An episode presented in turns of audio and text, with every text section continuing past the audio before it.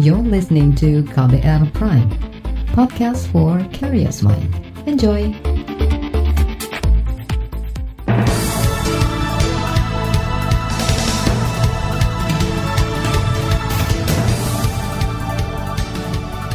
Selamat pagi saudara, senang sekali kami bisa menjumpai Anda kembali melalui program Buletin Pagi edisi Senin 12 Oktober 2020 bersama saya Fitri Anggreni. Informasi yang kami hadirkan pagi ini di antaranya Pernyataan Jokowi soal hoaks Undang-Undang Cipta Kerja tuai kritikan. Pemprov DKI longgarkan PSBB mulai hari ini. Pansus DPR Papua menduga pelaku penembakan pendeta adalah prajurit TNI. Inilah Buletin Pagi selengkapnya. Terbaru di Buletin Pagi. Markas Besar Kepolisian melakukan patroli di dunia maya 24 jam penuh tiap hari untuk mengawasi penyebaran hoaks atau berita bohong. Juru bicara Mabes Polri, Argo Yuwono mengatakan patroli ditingkatkan setelah ada seorang ditetapkan sebagai tersangka penyebar hoaks mengenai Undang-Undang Omnibus Cipta Kerja. Bahwa kepolisian sering melakukan apa? Cyber patrol, ya ada dari humas juga sebetulnya ada dari intel juga ada kalau itu kita temukan nanti itu me, uh, diduga untuk melanggar pidana dikirim ke cybercrime cybercrime nanti yang yang akan melakukan uh, penyelidikan di sana. Jadi kita pasti akan 24 jam itu akan kita berpatrol mengetahui daripada dunia maya yang ada. Walaupun di dunia nyata ada patroli, di dunia maya pun kita juga ada patroli ya. Juru bicara Mabes Polri Argo Yuwono mengatakan seorang tersangka ditangkap di Makassar, Sulawesi Selatan pada Jumat lalu karena menyebarkan hoaks tentang Undang-Undang Cipta Kerja. Tersangka dianggap menyebarkan hoaks seperti mengenai uang pesangon dihilangkan, penghapusan upah minimum kabupaten kota, penghapusan kompensasi cuti, dan lainnya. Argo mengatakan beredarnya hoaks Undang-Undang Cipta Kerja membuat masyarakat terprovokasi. Tersangka berinisial VE terancam hukuman pidana 10 tahun penjara dengan pasal penyebaran berita bohong. Di sisi lain, berdasarkan keterangan anggota DPR dan Badan Legislasi DPR, naskah Undang-Undang Cipta Kerja belum dibagikan dan masih diperbaiki oleh DPR. Sebelumnya, Presiden Joko Widodo menyebut aksi demonstrasi besar-besaran pada Selasa hingga Kamis lalu dipicu berita bohong atau hoaks tentang Undang-Undang Cipta Kerja. Presiden Joko Widodo mengatakan undang-undang omnibus tersebut dibutuhkan untuk memulihkan ekonomi nasional. Dia juga mengabaikan tuntutan publik agar undang-undang itu dibatalkan atau dicabut. Penolakan undang-undang cipta kerja yang pada dasarnya dilatar belakangi oleh disinformasi mengenai substansi dari undang-undang ini dan hoax di media sosial. Saya ambil contoh ada informasi yang menyebut tentang penghapusan UMP, upah minimum provinsi, UMK, upah minimum kota kabupaten, UMSP, upah minimum sektoral provinsi. Hal ini tidak benar. Presiden Jokowi mengklaim Undang-Undang Cipta Kerja bisa menyediakan banyak lapangan kerja baru. Dia mengatakan di masa pandemi saat ini dibutuhkan banyak lapangan kerja. Saat ini ada 2,9 juta pencari kerja tiap tahun, sedangkan pandemi telah menyebabkan hampir 7 juta orang kehilangan pekerjaan. Masyarakat sipil mengkritik pernyataan Presiden Joko Widodo yang menyebut aksi demonstrasi menolak Undang-Undang Cipta Kerja dipicu beredarnya berita bohong atau hoax. Direktur Lembaga Bantuan Hukum Jakarta, Arif Maulana mengatakan, aksi demonstrasi sama sekali tidak ada hubungannya dengan berita hoax. Aksi masa besar-besaran terjadi karena memang Undang-Undang Cipta Kerja bermasalah dan banyak menyalahi aturan. Jadi kalau kemudian dibilang ini hoax, uh, ini faktanya memang layak untuk dipersoalkan karena inkonstitusional dan tidak partisipatif. Dan ya ini sekali lagi saya harus bilang bahwa ya ini presiden seolah-olah mengecilkan uh, persoalan ini. Padahal ini persoalan yang sangat besar. Ini persoalan inkonstitusional dan penghinaan terhadap demokrasi dan negara hukum. Direktur LBH Jakarta Arif Maulana mendesak kepolisian dan pemerintah menghormati kemerdekaan pendapat masyarakat. Menurut Arif, tidak pantas pemerintah atau polisi menyamakan kritik dari masyarakat yang disampaikan melalui aksi unjuk rasa dengan hoaks. Sementara itu, ahli hukum tata negara Ferry Amsari menganggap Presiden Jokowi membuat pernyataan janggal jika mengaitkan aksi demonstrasi dengan hoaks Undang-Undang Cipta Kerja. Ferry Amsari mengatakan selama ini Undang-Undang Cipta Kerja yang disahkan DPR tidak dipublikasikan secara resmi, baik oleh DPR maupun pemerintah. Dosen Fakultas Hukum Universitas Andalas Sumatera Barat ini berpandangan pemerintah dan DPR tidak transparan dan tidak melibatkan partisipasi publik bukankah yang bertanggung jawab untuk menyampaikan informasi tentang keberadaan draft undang-undang itu adalah Presiden dan DPR sebagai pembentuk undang-undang. Belum lagi eh, kalau diperhatikan azas-azas pembentukan peraturan perundang-undangan, pasal 5 huruf G misalnya, yang eh, menentukan soal azas keterbukaan, jelas-jelas dari awal eh, pembentukan undang-undang ini tidak terbuka. Ahli Hukum Tata Negara Universitas Indonesia Sumatera Barat Ferry Amsari mengatakan pemerintah memang mengklarifikasi isu-isu tentang Undang-Undang Cipta Kerja. Namun banyak hal dalam undang-undang itu yang tidak disampaikan secara transparan kepada masyarakat. Provinsi DKI Jakarta memberlakukan PSBB transisi selama dua pekan. Informasinya akan hadir seusai jeda. Tetaplah di Buletin Pagi KBR. You're listening to KBR Pride, podcast for curious mind. Enjoy!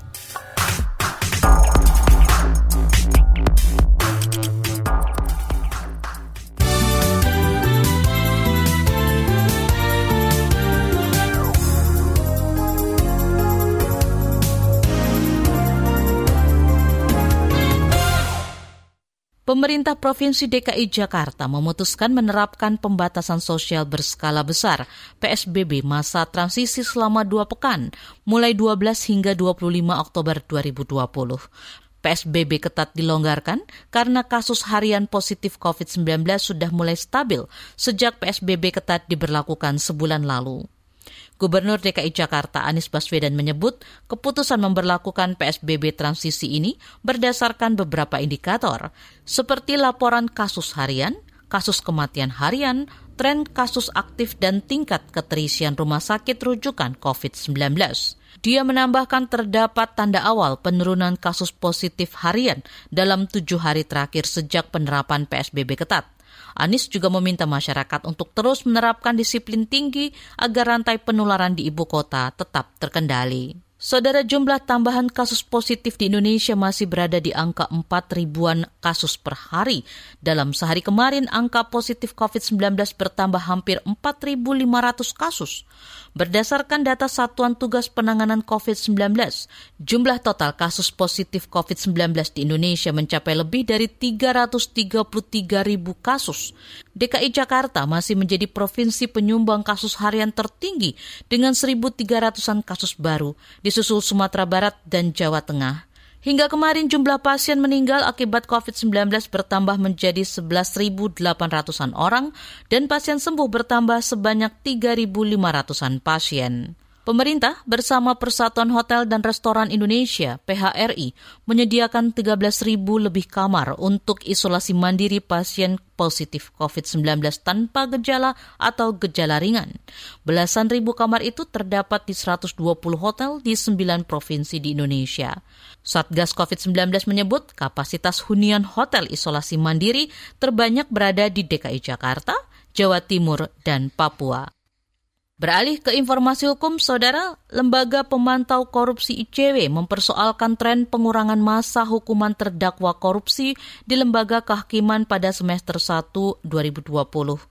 Peneliti ICW Kurnia Ramadana mengatakan pengurangan masa hukuman terdakwa korupsi antara lain diberikan kepada bekas Ketua Umum Demokrat Anas Urbaningrum, yakni dari 14 tahun menjadi 8 tahun penjara. Dia mengatakan pemotongan masa hukuman tidak akan memberikan efek jerah maksimal terhadap koruptor. Efek jerah yang maksimal rasanya masih sangat jauh. Itu akan bisa terrealisasi kalau kita melihat data uh, seperti ini.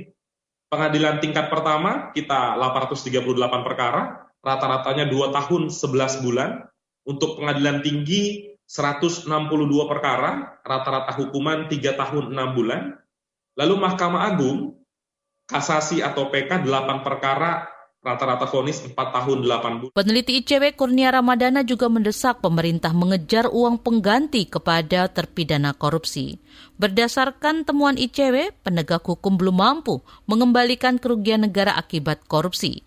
Bahkan jumlah uang pengganti yang diterima negara di bawah 10 persen atau hanya sekitar 600 juta rupiah dari total kerugian negara mencapai 39,2 triliun rupiah. Komisi untuk Orang Hilang dan Korban Kekerasan Kontras mendorong pemerintah menghapus hukuman mati. Desakan itu muncul saat peringatan Hari Anti Hukuman Mati Sedunia yang jatuh pada 10 Oktober kemarin.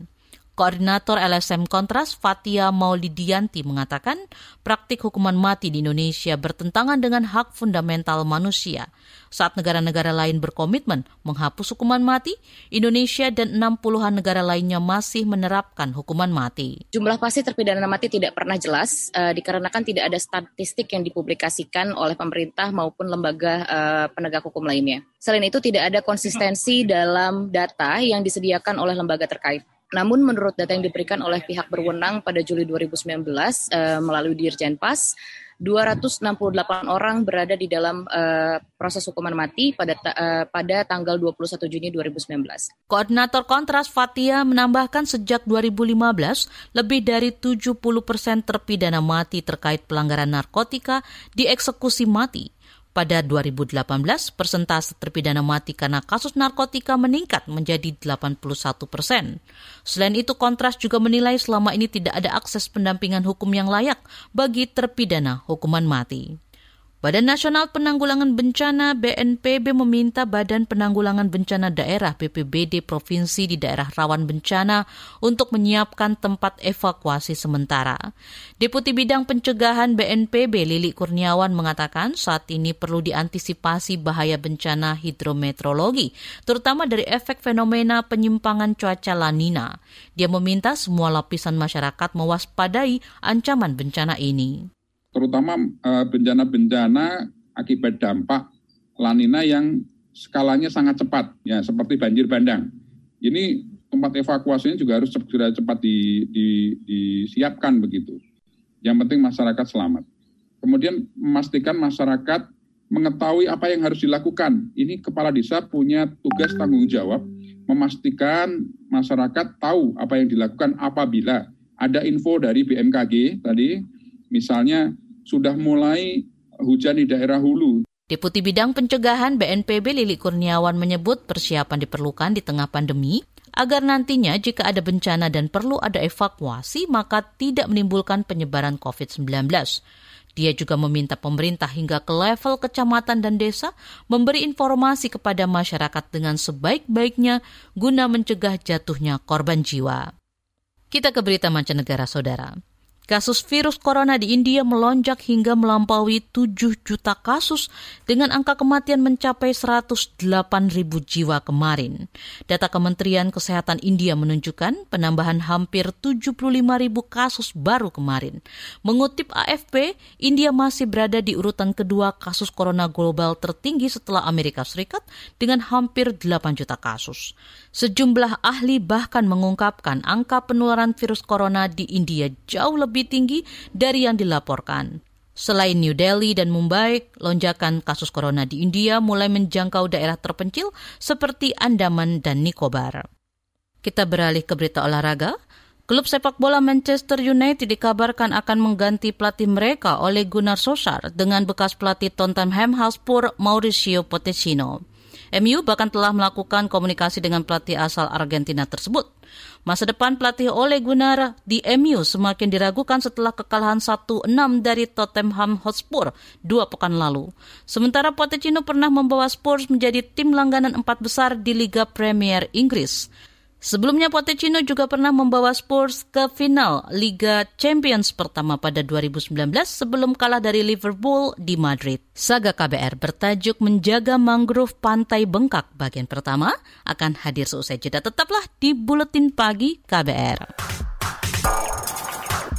You're listening to KBR Pride, podcast for curious mind. Enjoy!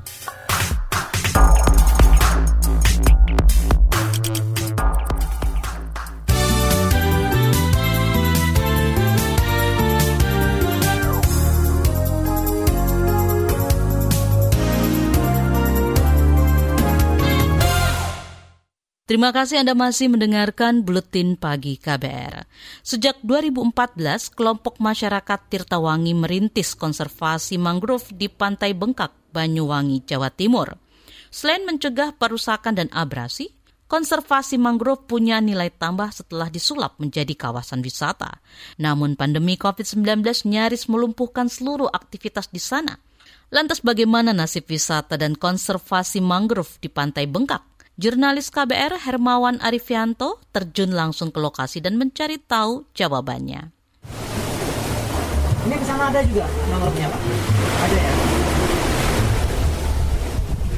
Pagi di Pantai Bengkak, Kecamatan Wongsorjo, Banyuwangi, Jawa Timur.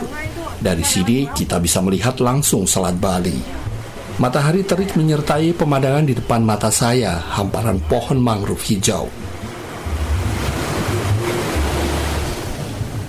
Hamparan mangrove luas ini adalah buah kerja keras kelompok masyarakat Tirtawangi.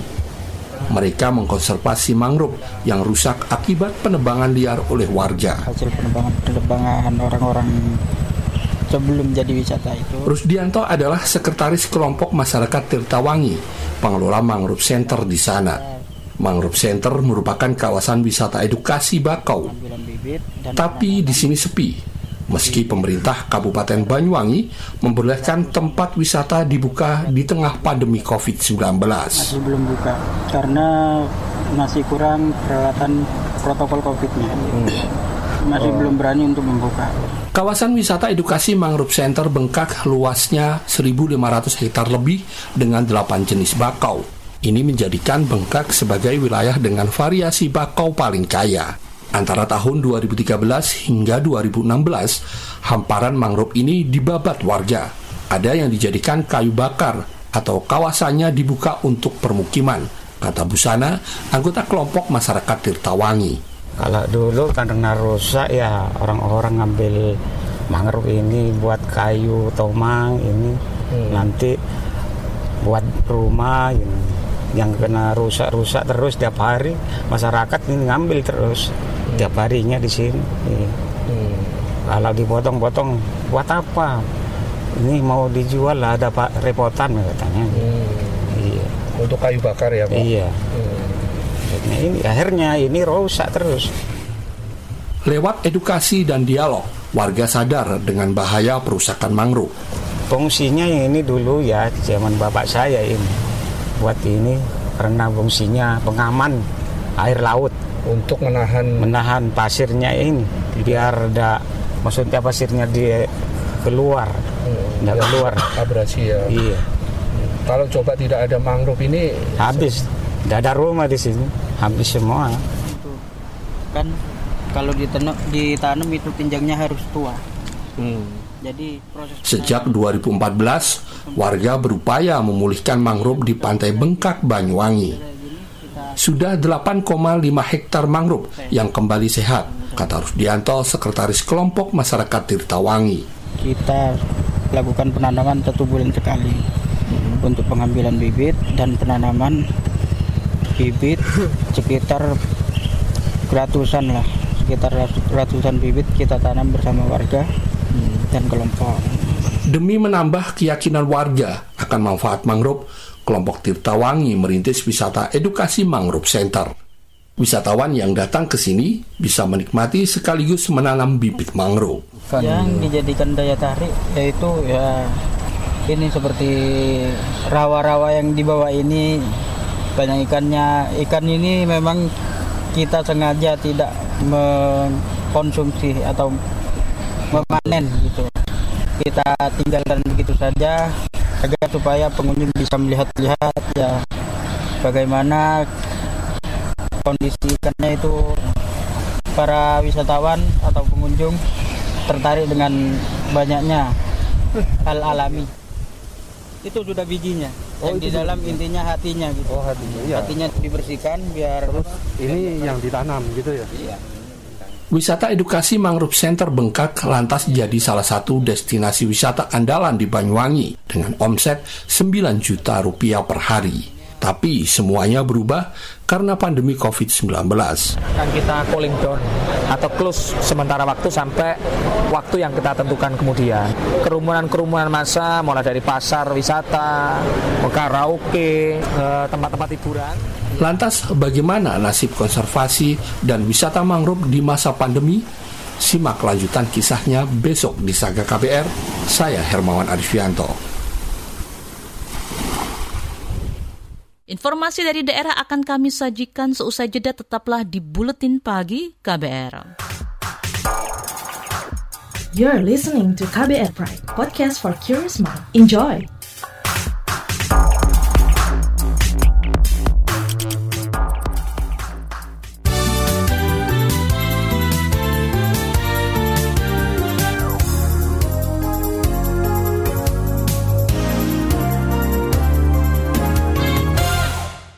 Inilah bagian akhir dari buletin pagi KBR.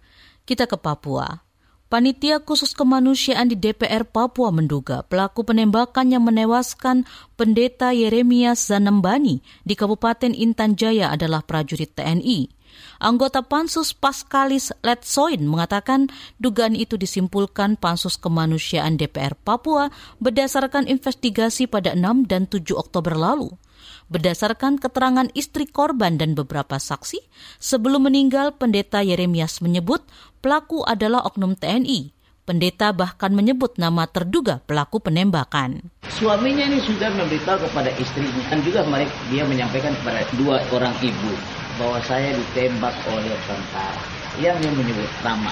Jadi kesaksian-kesaksian yang diberikan oleh saksi yang kami bertemu memang cukup punya dugaan kuat memang pelaku itu adalah dari oknum militer atau tentara. Anggota Pansus Kemanusiaan DPR Papua, Paskalis Letsoid menambahkan, istri korban bahkan sempat bertemu beberapa anggota TNI di lokasi kejadian penembakan. Pansus Kemanusiaan DPR Papua berharap aparat bisa segera menemukan pelaku pembunuhan pendeta Yeremias. Kita ke Jawa Tengah. Satuan Tugas Penanganan COVID-19 Kabupaten Cilacap menyebut ada tambahan 80-an santri pesantren yang terkonfirmasi COVID-19. Dengan data itu, santri yang positif terinfeksi COVID-19 mencapai 120-an orang. Kepala Dinas Kesehatan Kabupaten Cilacap Pramesti Griana Dewi mengatakan sebagian besar santri tak mengalami gejala atau orang tanpa gejala.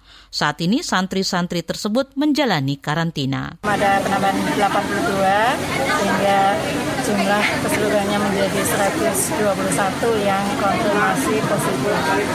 Tapi eh, sebagian besar OTG, artinya memang positif tapi tidak menunjukkan gejala.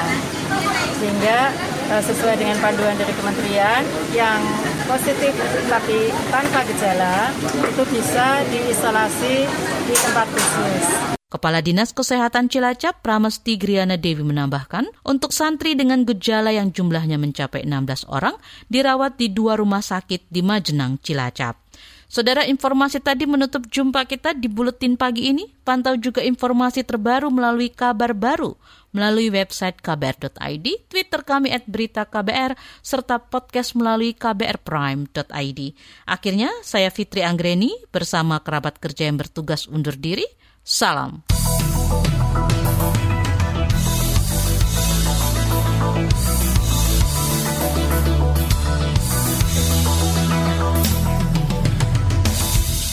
KBR Prime, cara asik mendengar berita. KBR Prime, podcast for curious mind.